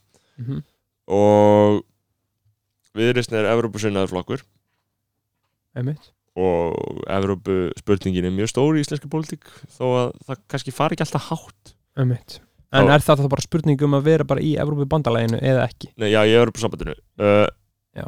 Við erum náttúrulega í EES samningum Einmitt við erum í fríverslunarsamningi Við fáum fríðindin Já, við fáum svo fríðindi en við fáum ekki ráðaninu Einmitt uh, og margir benda á að það væri æskilega að vera í Evrópu sambandinu til þess að fá að segja eitthvað um okkar mál Einmitt svo erum við með náttúrulega sérstakar auðlindir við erum með orkuna, við erum með fiskin þannig að við höfum alveg ákveðna hagsmenn að gæta að vera kannski ekki of mikið að gefa upp af þessu Einmitt og það er það sem anstæðingar Evrópusambands segja sko Þú veist. og þetta eru mjög flóknar deilur sko mm -hmm. en ég held að ekkert mikið að hóa því sko en Nei. þarna ég mæli með uh, í New York Times The Daily þá hlustaði þú að já, þarna það var í síðustu viku bara fimm þættir bara um sem Svona sagt Evrópukosningarnar. Evrópu, sko. Evrópu kostningarnar já, sko. það er og mjög gott það, starf sko. það var farið þarna til hvað, Ítalíu, Þískaland Póllands, Fraklands Póllands, Fraklands farið svona almennt, það setti þetta í ágætis uh, samingi fyrir mér sko Af þar því að- talaði blaðamæður mitt við alltaf þegar ég hugsa sko um Evrópu þá hugsa ég bara eitthvað um Belgíu og eitthvað Já. Sviss, skilur hvað ég meina já, ég hef aldrei svona, þannig sé þetta eru þessu stóru lönd já, sett þessi lönd í samingi með svona, pjúra Evrópu því ég alltaf hugsa um þessi lönd sem bara svona, sín uh, upp á sitt ein, einstæmi sko. já, en náttúrulega Evrópu samt að búi til hana, til þess að forða strí, stríðsörmungar aftur skilur Einmitt. og bara Evrópu samvinna er rosalega mikilvægt til þess að þú veist, að búa í raun og veru til það mikið að sameilum hagsmunum Mhm. að þú getur ekki farið í stríð já, já skilur, þú veist, þú ert bara Frakland og Þískaland mhm. þau hafa það mikið að sameilum hagsmunum í gegnum Evrópusambandi að þau væru í stríðu við sjálfa sig Já. ef þau farið í stríð, þau eru ekki tvær ólíka þjóðir sko. Einmitt. þess vegna er svona, þau eru með sama gjaldmiðl og það bara myndi algjörlega fokka því upp öllu fyrir þau, en að með- að meðan skilur þau fyrir okkur Mm. að fara í stríð við grænlendinga það er ekki sameilir hagsmunni þannig, við getum bara farað að makka á skilur Já, já, visslega, hvað búum margir grænlandi? ég veit ekki, ég kemur mitt, ömlega pæling Já. AFD, þá er að tala um það uh, Alternativ for Deutschland Einmitt, það er næstaflokkurinn, ekki? ég ætla ekki að kalla það, en uh, hann- þetta er öfgahæri flokkur Einmitt, Eh, svona semi-nínast. þjóðurnispopulismi og nýnasista hreyfingar í Þískalandi kunna að vera viðriðina flokkin en ég meina maður getur alltaf ekki algjörlega að kalla þetta nasista flokk af því það Einmitt. er svona fullmikil upprópun Einmitt, en þeir hata einflýtjendur akkur. og það liggur alveg fyrir og þeir fá atkvæði sín út af fólk sem, uh, Mhm. frá fólki sem hata einflýtjendur Mhm. vilja hertari landamæri árið 2015 þá hleyfti Merkel náttúrulega inn Já, maður, king move. King Move og hleyfti Já. inn alveg bara svona Hversu mörgum? gríðarlegu magna einflýtjendum til, Já. Ísland- til Þískalands Mm Eh, Þýskaland er eina landið á topp 5 list, sérst, á top 5 það er eina Evrópulandið inn á topp 5 flestir innflytjendarlistanum Ok, hvað það er, eru hvað það- er bandaríkin? langflestir innflytjendar þar nei, í- langflestir innflytjendur í Þýskalandi Já. af Evrópu sko Bandaríkin er eina á þessum lista líka, þeir eru náttúrulega með Söður Ameríku uh, síðan þekki ég ekki hvaða löndur þetta eru önnur Nei. en Er Mikið umflytjandum í söður? Já, þau, já, Nei, ég er að bandaríkin tala eru frá- með já, Suður-Ameríku, nákvæmlega. uh, Þýskaland uh, gerði þetta 2015 og þetta er náttúrulega bara rosalega umdelt mál í Þýskalandi, ég meina í, í Berlín Mm. þá ertu með stærstu Tyrkja byggð Mhm. utan Tyrklands í heiminum Og bara, ro, Epic. skilur það, bara rosalegt mar- magna Tyrkjum Já, uh, ég er alltaf bara, ég dyrka þetta já, Við þetta er bara- snild. Ég, þú ert uh, stuðningsmæður opnaða landamæra á Íslandi, eða ekki? já, jú, jú, jú, jú, jú. Bara, ég vil bara hver á einn Ég er koma bara- bara... hvena sem er. ég er tilbúin til að setja upp áallun svo fremi sem við hlúum á tungumálinu það er eina sem ég, ég er ekki íslenska glatist og það er alltaf Já. hætta þegar maður Það hleypur verður mjög náttúrulega mikið á alltaf- útlendingum. Það verður náttúrulega alltaf uh, hlúað því, skilur já, já, Það gerist bara uh, En það er ekki verið að gera það Sjálfstæði, núna, sko. þú getur ekki talað íslensku á veitingastöðum lengur í Reykjavík hver, er- hver, er því, hver er þín geðsjúka skoðun með það? Mér finnst það bara fullkomlega óásættanlegt og bara forkastanlegur aumingjaskapur að bjóða upp á þetta En það samt, þú veist, þetta er bara það er ekki hægt að fá Íslandinga í þessa vinnu það er bara er, þetta er bara basic sko, Heldur þau um, að, um frambóð og eftirspurn, skilur Það eru það mikið að túrismi það Það Já, eru- já. það eru 2 ég veit miljónir að þetta túristar eru markaðslegumál Markaðslegumál eru ekki hlið þótt íslenskunni Nei, nei, þokkalega ekki og öll svona tækni Allt, Ísle- öll, íslenska öll Beirut. þróunin ef Já. að, sko, ef að það eru ekki eins og Rasmus Kristján Rask sagði á 19. ef það er ekki rammar skorður við reistar Mhm. þá f- er út um íslenskuna og það er það sem ég er í raun og er að segja Mhm. Já, það er, ef þú missir, sko, þetta heitir að missa umdæmi Mhm. þú ert bara búin að missa íslensk út af veitingastöðun segjum að sett bara með samfélag það sem eru tíu svið eitt af Mm. sviðunum eru veitingastæðir, annað eru skólar við erum auðvitað ekki búin að missa íslensk út af skólum við erum auðvitað ekki búin að missa íslensk út af uh, fjölmiðlum Nei.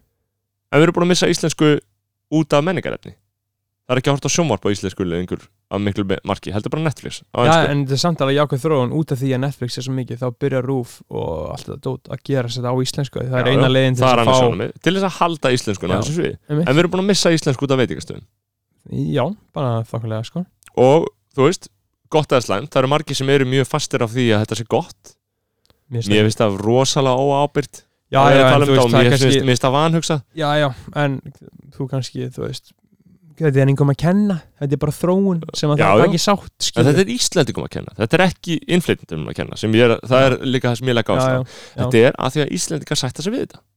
Og það er vandamáli. Hver- hver er lausnin á þessu skilur? Lausnin, það er engin lausn þetta er- hún er ekki sjónmáli, ég segi- ég get alveg, ég get alveg viðkynnt það, hún er ekki sjónmáli, ég get ekki alveg borðað hana hérna fram. Nei. Hún væri náttúrulega svo að uh, atvinnureikundur hefðu mikla forsendu til þess að kenna, for, kenna starfsfólki sinu íslensku. að það væri Já. góður aðgangur að- gott aðgengi að námskeiðum uh, að kennsluefni Já, ég maður, en síðan ertu, ok, segjum sér svo að þú ert á Serrano, skilur já, já. og þú ert að segja bara, heyrðu, getur sett svona frekar lítið af mægis og auka pintobönir, skilur já, já. þá er svona flókin skilabóð eins og þessi, getur ekkert lært íslensku Nei, nei. þannig, þess að myndi alltaf þurfa að tala ensku og það er bara fakt sem að þú uh, þarft að sætta þig við já, ég meina en mér finnst það bara uh, myndi Frakland sætta sig við það Nei, það er líka miljóna þjóð hvað margir já, við þurfum Mjög að margar. hugsa eins og stórþjóð ef við viljum varðveita íslenskuna ég veit að ég hljóma ég hljóma eins og alternativ fór Deutschland, Já, ég já. hljóma eins og Já, já. bara Æ, þjóðutis sem Einmitt, að þetta er vond skoðun til að hafa því að þú Nei. ert skoðana bróðir já, já, mið, ég miðflokksmanna Þetta er svona, það, ég hljóma eins og þeir en Já, Málið er að, eh, ok, ég ætla nú ekki að segja þetta um miðflokkinina því ég þórið ekki, að því ég bara, eh, þarna, okkur ekki Eru þeir ekki alveg að spila sama uh, ég væri til í að fá atna, sko miðflokkurinn er, eh, það hann, er, ekki- hann hefur ekkert gengið neitt sérstaklega langt í þjóðurnis barátunni, nei þjóðurnis viðhorunum, en það bendir ímislegt til þess að hann sé að færa sig meira og meira út á jæðarinn. Já, þeir eru að færa sig í svona Viktor Orban Já, Stemningu. það er svona eitthvað hliðstæð, að þeir eru allan að populistar. Já. Nú, uh, og það bara sýnist eh, hverjum sitt um það. Mm. en sko þessi umræða um veitingastæðina það er náttúrulega bara eins og ég segi þú veist, ég, ég, eh, mér finnst þetta eh, mjög varhugaverð þróun um, Já, get bara verið samlað því en þetta er bara eitthvað sem þú getur ekki gert neitt í og ekkert verður gert í þessu þannig að bara taka þetta í en sátt og talað um reyna- markaðslöfumar þá ef að Íslendingar sættu svo ekki við þetta þá væri þetta ekki svona, það er bara punktur þá myndi bara útlendingarnir þurfa að læra íslensku Gaur. uh, Já, ég veit að þetta hljómar allt ræðilega en ég meina, ég bara, það er önnur hliða á þessum pening og ég þól ekki þegar fólk vil láta allt reik, sko, reka á reyðanum hérna og bara, já, ég meina, það er allt mér er alveg samvægt í tala ennsku hérna, já, en það er hluti af stærri mynd já, já, það er hluti af stærri mynd einmitt og svo mynd gefur ekki annað til kynna en að íslenskunni sé a- að förlast ég held að þetta sé bara mjög slemþrón en eins og sé, ekki láta mig tala um þetta ekki láta mig tala um þetta Nei, nei, skiptum um við með umræðumri en við vorum að tala um FD já, Já, já, við vorum að tala um svona na, nýnasismi í Þískalandi Já, hann er íbúin að vera að horfa á heimildarmyndir um þetta það eru sko hverfi í þýskum bæjum Já. það Sem sem er- er bara með nýnasista hverfi sko. ok En þú veist, en þeir, þeir, na, þeir kleima ekki Hitler eða nokkuð jú, margir sko, Að það? ekki allir Nei, ok það er Shit. alltaf ólöglegt að það er Já. ólöglegt að vera með þeir eru ekki með sko hakakross Og það eru náttúrulega mjög Í Þísklandi eru mjög ströng lög varðandi svona ærumeðingar og það er þannig sækert svo mikið málfrelsi eða nokkuð, sko, það, bara er, út af þessu það til er þess aðeins sé ekki- skelltara út að Já, þessari sögu sko. sem ég finnst bara gott, mér finnst að maður- það ætti ekkert endilega að vera málfrelsi sko. Nei, nei, en það er náttúrulega hægt að tegja það fram og tilbaka Já. og skoða hvað aflengar hefur að, að skerða málfræðis einhverju leiti, en ég meina það sem gerðist eins og er í Þýskalandi, það dróð til tíðind og ég er, held ég sá eini eh, íslensku filmur sem hefur skrifað eitthvað um þetta mál Mm. er að stjórnmálamæður var myrtur Já. Valta Lübke mm hann var sem sagt sveitistjóttamæður í, í Hassel það er þarna lítið þorp í, í neðra Saxlandi Mm. eh, pínlítið þorp og maðurinn er ekki þýðingamikil en hann er sérst í kristilum demokratum hann er samflóksmaður Angelu Merkel Já. og það er svona bara frjálslind uh, hægri afl, uh, þannig séð ég meina Allt í lagi fílum við það, miðju, miðjumóðs Já. uh, frjálslindi demokratar ekki? Mhm. uh, og ég meina samanbyrð það að Angela Merkel hliftin in, uh, innflytendum þó að hún sé náttúrulega hægri sinni í mörgum skinningi líka Já. en Walter Lübke hann hafði verið hávær um innflytendamál hann hafði sagt að sá sem ætlar ekki að hafa bara svona uh, þau gildi í heiðri að bjóða þetta fólk velkomið hann sá hann samið um að bara sjálfur drulla sér út úr Þýskalandi þannig að hann hafði sérst, ó- Já. verið mjög á móti svona innflytendahauturum Mhm. og annan júni er hann skotin í höfuð við hefðil sitt Mm. og núna er sá sem er grunaður um þetta Mm.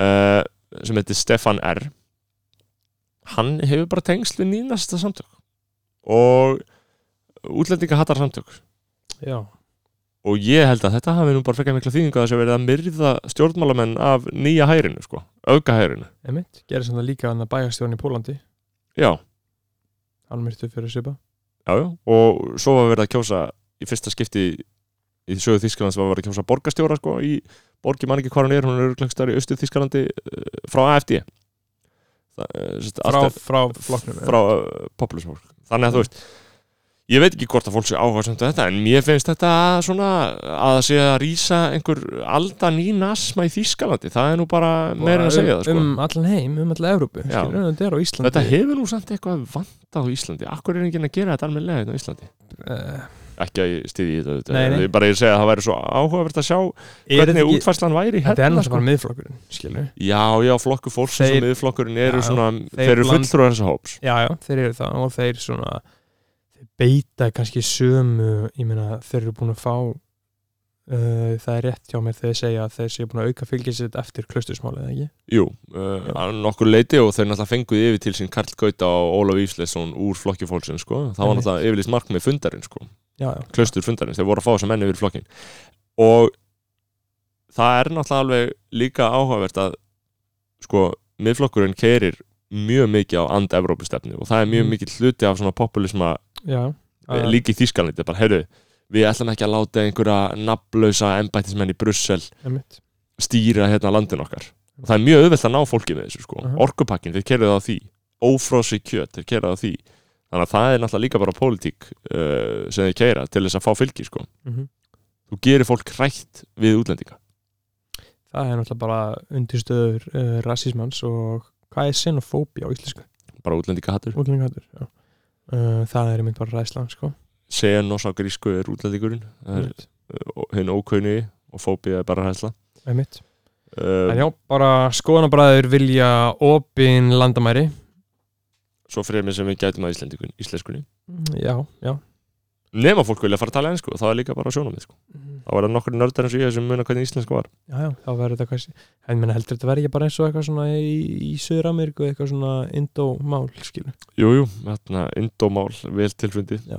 Nei, nei, þetta verður svona pidgin-mál það, er- Já. það heitir að þegar málum er blanda saman Einmitt Það er til dæmis íslensk basnest pidgin-mál mm. Þegar baskarnir voru hérna Já á 17. öld þá bygguðu til svona bullmál sem var blanda af íslensku og basnesku Mm. og það er mjög áhugavert að sjá það, eitthvað svona peisa eitthvað, Já, Ah, ok. algjör bull Það er til orðalisti á þessu Wikipedia held ég.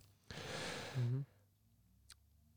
Já, Það hvað- er ymmislegt sem dregur til tíðinda í vikunni er ekki margt var- að gerast Uh, það var 17. júni, núna mánudaginn Fólk er alltaf fænin að þátt í hendunar á föstu degi sko Já, já uh, Og þá ætti eh, Pusha T að vera að spila í lögutalum Herri á sólstið sem helgina maður, Já, maður um, þú færð þangað, Ég fyrir þangað uh, ég kemst í Hvað ætti að vinna það? Já, ég er að vinna og vinna nýðki Ég er um 22 Já, já, en ég er bara mjög sáttur að þarna Pusha T sem að er Þú ekki spenntar svo hann? sem er bara einn af mínum allra uppáhaldsrappurum bara svona top 10 í Mm. alheiminum sko.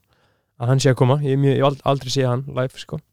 King Push já maður King Push, King Pain Overlord sko. ég laka mjög mikið til að sjá hann og síðan er náttúrulega Clubbed Up líka á föstudaginn uh, síðan á sunnudaginn Klukkum hvað er því? 21, 20 eða Ok. okay. það, það, það, það, það, það er besti tíminn sko, fyrir, þarna- Það er ágættu tími já, þetta er bara- þetta er bara fyrst- fyrir fyrsta svona útlendingana sko. já, Já. bein, eitthvað breskur rappari Þá, þá er uh, fólk komið smá í glas og ég væri alveg til í að vera það ungur að vera að fara þannig á morgun sko Já, já, ég lakka til að sjá svona hvernig þetta uh, Vera blind fullur og horfa okkur tónleika Þú veist, Það er bara góð stemning sko Það er mikil stemming sko Það er mikil stemming uh, En já, þetta bara kemur í ljós hvernig þetta allt fer Já, já og Svíðsólstis Sigurd Solstis er um helgina og svo voru náttúrulega þessir uh, það er alltaf ymslegt sem gerist í vikunni eins og við höfum- reynum alltaf að ræða ég meina Mhm. uh, alþingi samþykti uh, frumvarp um, um kynrænt sjálfræði uh, mjög að það ágætlega Já, mikið hillaskref Þannig mátt bara vera það sem þú vilt já, máttu vera það sem þú vilt og punkturinn er sk- að mér Mhm. skilst sko að breytingin er svo að núna, þú veist, það mátt, þú máttir alveg breyta um kyn í skráningunni Já.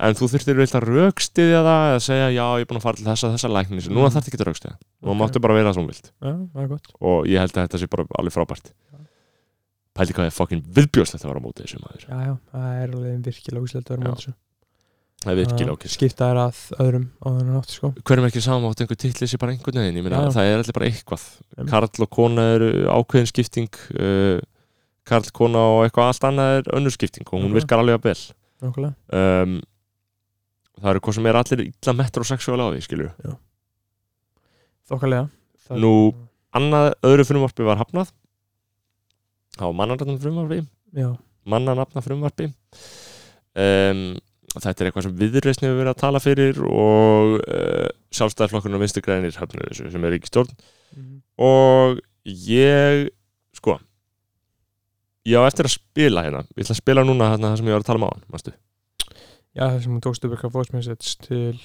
þetta var hræðilegt message en ég bara að því ég er búin að segja þetta þá verð ég að spila Já, þetta skilur Ói, byrju, hlustum á þetta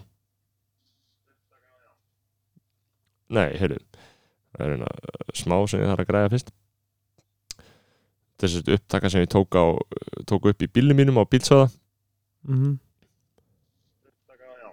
Ég er búin að hugsa að nummer eitt, ég er náttúrulega frálsleikir maður. Af því að það er viðbyrst að segja þeirri hvað þeir eru að gera. Ég vil ekki að ég og ógeðslu eimingarnir í þessu þjóðfélagi semjum um einhverja reglur. Ég vil bara vera fráls. Nummer tvö, ógeðslu helviti stjöfus andskotans fötna leika sem fyrir utan ætti ekki að mega skjóta þau í rauninni eða þú veist Mm. þegið þið viljið þegja skilur gera eitthvað í því uh, þetta er bara já. hræðilegi púntar já, já, þú Váka þetta voru slæmi púntar Hvað, þú sagðist það var frjálsíkjamaður og vildir skjótingu börn? Já, ekki skjóta, það er fíguratíft auðvitað myndi ég aldrei meiða börn Nei, nei. það er algjörlega af og frá Mhm. hins vegar var ég að hlusta á uh, einhvern í útvarpinu Mm. tala um hvað það væri leiðilegt að það var einhver sem var með leikvöld fyrir utan hjá sér og hann vildi fjarlæða leikvöldin og því hann hefði ekki að hlusta á börnin Það er bara mjög ég tengi góð- svo vel Við erum alltaf búum hjá Melaskóla ég bý hjá melaskóla Já. og það er tún fyrir neðan þannig að það er sól þá koma nágrannir allir Einmitt, út að leika einmitt og veistu hvernig börn eru þau eru öskra og öskra og öskra og mér langar að spyrja bara hei, þannig að akkur er þetta að öskra aftur og aftur hvaða tilgangi gegnir það? Ég held að það sé einhver bara svona, þú veist, uh, tjáning á einhver svona frumstæði hamingið tjáning, sko Ég kannast ekki við það Nei, nei, nei, nei. Nei, en ég er að segja, skilur djöfull er þetta pyrrandi maður Eh. ég var að reyna að lesa á svölunum og það var eitthvað barn og það hætti ekki, bara, það var að hlaupa bara um allt og bara öskra Uh, af hverju ert að gera þetta? Þú verður bara leiðið svona hjá þér, sko Já, já, ég var að gera það, sko Já. og ég meina, ég myndi aldrei með að börn myndi aldrei skjóta Nei, börn. nei, nei, nei og ég var alltaf fljótur á mér, ég var að leiðin heim úr vinnunni og full og svona, Akkurat hitt er það en, ég meina, og ég, ég skil að hata börn sko Mhm, hitt er það að ég sé orðin frjálskýmaður, það er náttúrulega alveg ákveðin punktur sko. ég er Mhm. smá komin á það, það tengi smá þessu frumvarpi sem viðreist var að mæla fyrir, þessu mannararnan þetta frumvarpi Já. ég er mjög tvísting að þetta og eins og þú getur ímyndaðir þá Mhm. mm. hef ég ákveðna skoðan á þessu, og ég hef haft ákveðna skoðan á þessu gegnum tíðina og ég vil náttúrulega svolítið íhaldsama löggjöf í kringum þetta Einmitt en hins vegar í alvörunni af hverju ætti fólk ekki að lefa, lef, vera leift að skýra bönni sín það sem það vil um, Ég bara veit það ekki, mér finnst það hver og einn ættu bara að fá að heita það sem vilja, sko já, ég get ekki svaraði með góða móti akkur mér finnst það svo eigi ekki að vera sko Já, einmitt En það er mjög skrítið að finnast það, sko ég bara treyst ekki fólki uh, Þetta var að tala um að einhver skýri bara barnið sitt og veist eitthvað ég veit það ekki, bara að einhver hafi frelsið, það pyrra mig Já. það pyrra mig að einhver hafi frelsið til að skýra bönni sitt hvað sem er sum máli eru náttúrulega frá fáraleg sko en eh, Nei, ekki, ekki sérstök nefni, ég ætla ekki að segja það, en ég ætla ég er að segja sum máli eru fárulega það sem að fólk fær ekki að nefna barnið sitt eitthvað, bara Einmitt. afið að sketa Mhm. en að því að hann var bara einn á landinu þá Það fær bara- barnið ekki að heita það að það var ekki komin hefð, heldur bara einn gaur ok, ok, maður það ekki nefna barnið mitt í höfuð og afa Nei, sér einmitt. af því að þið segið það, Það er nokkuð skriðið það er skýt en þessum frumvarpið var hafnað og vinstu grænir og sjálfstæðarflokkan hafnaði því þannig að það verði enga breyting að gera þessu Ok, en og þetta verður heldur bara- áfram ver- verður ennþá mannrefnum Já. Já, einmitt uh, ég veit nú reyndar ekki hvort að í frumvarpinu hafi falist það að mannandi nefndir lögð af en það voru einhverja breytingar í farvartninu sem fá ekki að ganga í gegn og þetta er gleður fréttir fyrir íhaldsama Já, okkurlega um, Hvað meira og svo voru kvalirnir til eiga, ertu búin að fylgjast með því Nei, litla grá og litla hvít uh, ég, hvað er einhver kímerski kvalir eða eitthvað Já, þetta eru bara hva, litlir uh, beluga kvalir eins og þeir heita á ennsku, þetta eru mjaldrar já, mjaldrar, uh, ég skrifaði uh, mjög, fyrir mjög löngu um að þetta var á leiðinu og það var mjög lengi svona tvísindum hvenær þeir kæmi og svona og nú eru þeir loksur komnir mm og þeir eru að fara lítið svona lón eða þannig þeir eru í með svona- Vestmanni, já, getum að skoða það. já, þeir verða bara þarna þetta er bara svona keiko í, í svona litlum garði, svona sjógarði ekki, ekki sjógarði sko, já, alls ekki sjógarði nei, nei, heldur bara svona, þeir verði frálsir í hafinu í rauninni,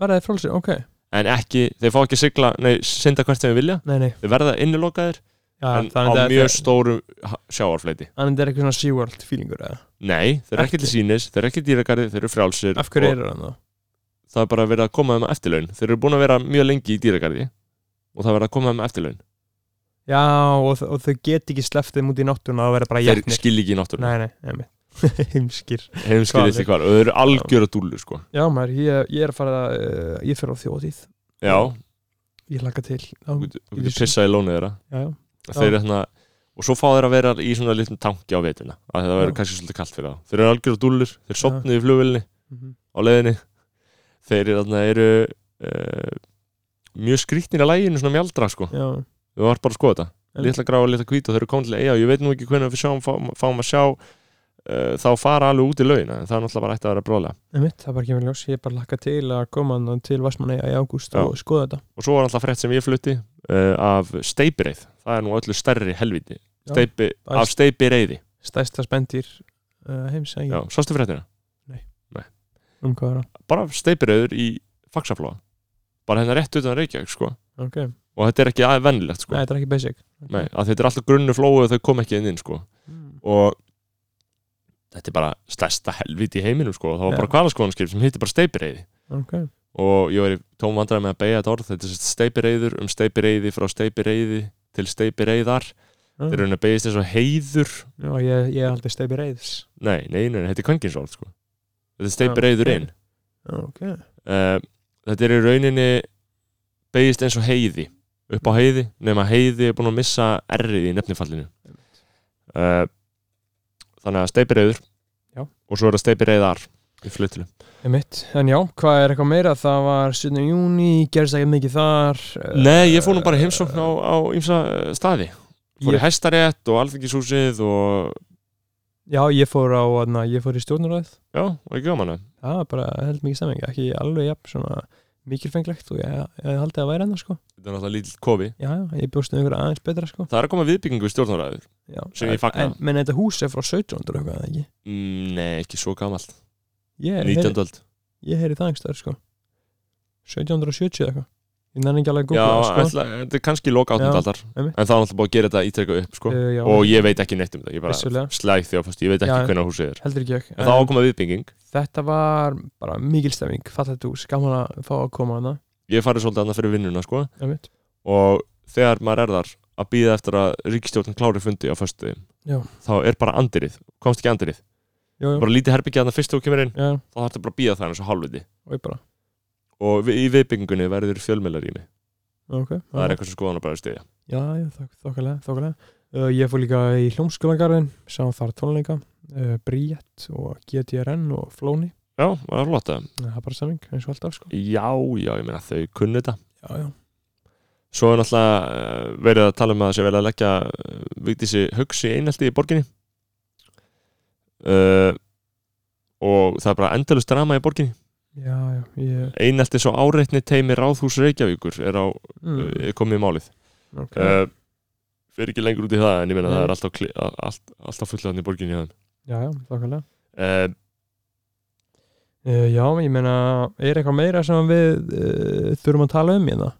Ég vona bara að þetta hafi verið, ánægulegu þáttur já, já, ég meina, öruglega, ég meina, mér fannst- þetta þetta er bara eins og allir hætti, við vonum bara eitthvað að tala um Ég eitthvað, er skilur. bara svo all, allir þættir okkar helvitsi rusl Já, Djöfisins en rusl fólk hlustar, Fólk hlustar á einhverjum, djú- á, á einhverjum ástæðum Já. um, Ég bara í rauninni hveða sinni sko næsta, Já. næsta, næsta viku fáum við góðan gest til okkar sem uh, á eftir að koma í ljós hverju verður einmitt, fyrir ykkur, við vitum það það er mjög spennandi já, já, og þetta er uh, huge, þetta verður risa stort þannig að þið getið verið spennt fyrir því fram Já. að eh, næsta fyrstu degi, eldsnæma á morgun kemur næsti þáttur á skoðanabræðum nákvæmlega um, það var mjög gaman að vera með ykkur og Æðislegt, Alltaf er gaman ég ætla bara að fá að þakka fyrir mig og Já. ég byrð Guð að blessa ykkur inn í Einmitt. helgina Guð gem ykkur öll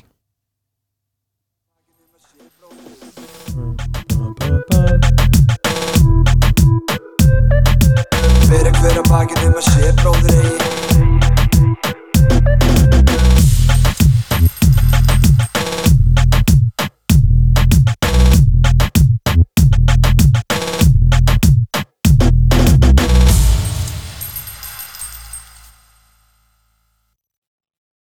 upptaka, já, ég er svona búin að hugsa að nummer eitt,